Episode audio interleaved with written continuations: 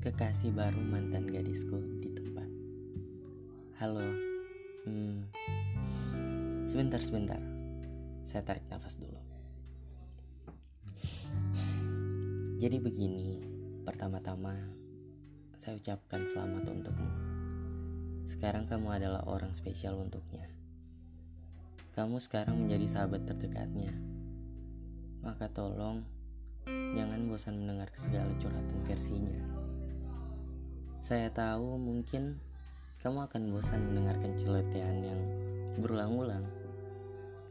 Tatap dalam-dalam matanya, maka ia akan berhenti bicara karena salah tingkah.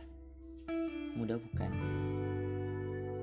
Fisiknya memang tidak sempurna, tapi dia adalah gadis tertangguh yang pernah saya temui dalam hidup saya. Oh iya, jangan cepat-cepat kamu marah.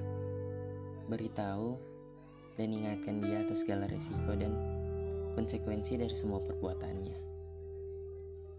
Sungguh, saya tidak menyangka akan membuat tulisan semacam ini. Tidak menyangka posisi saya akan secepat ini terganti. Oh iya, gadismu istimewa. Jangan mengulangi kesalahan saya. Perlakukan ia sebaik yang kamu mampu. Ia pantas mendapatkan itu. Semoga beruntung.